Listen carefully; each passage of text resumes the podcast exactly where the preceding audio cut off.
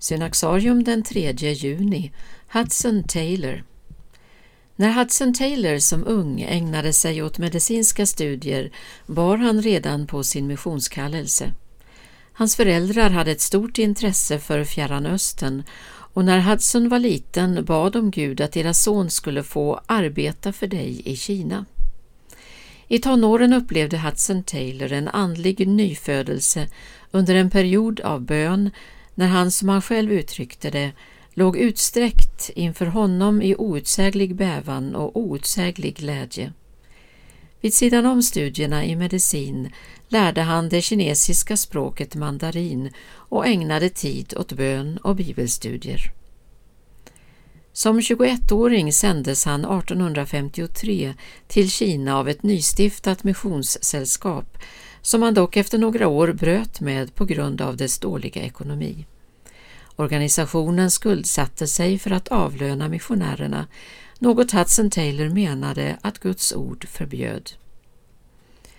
Strax efter ankomsten till Shanghai fattade Hudson ett radikalt beslut som kritiserades av andra missionärer. Han skulle klä sig som kineserna och låta håret växa i en hästsvans som kinesiska män gjorde. Efter några år av inledande missionsarbete vistades han i England 1860 till 65 på grund av försvagad hälsa. Han ägnade de åren åt att översätta Bibeln till kinesiska och grundade nu Kinesiska inlandsmissionen, en trosmission där han skulle gå en annan väg än den mekaniserade missionspraxis som han menade utmärkte samtidens mission. För Hudson Taylor var inte utbildning det viktigaste, utan att missionsarbetarna hade en levande tro. En viktig princip var dessutom att man inte skulle be människor om ekonomiska medel utan endast Gud. Att evangelisera det inre av Kina utgjorde den stora utmaningen för Taylor.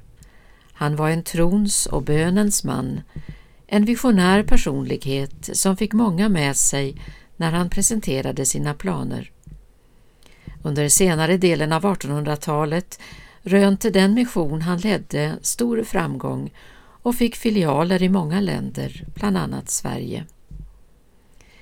När den unge Hudson Taylor i mitten av 1850-talet för första gången seglade ut från Liverpools hamn i en tremastare var destinationen ett land som då var färskt i den västerländska kristenhetens missionsmedvetande. När han dog ett halvt sekel senare, den 3 juni 1905, var Kina ett av världens mest fruktbärande missionsfält med tusentals missionsarbetare. Taylor utmanade människor till enorma uppoffringar för att nå Kinas folk med evangeliet och han fick även själv betala ett högt pris.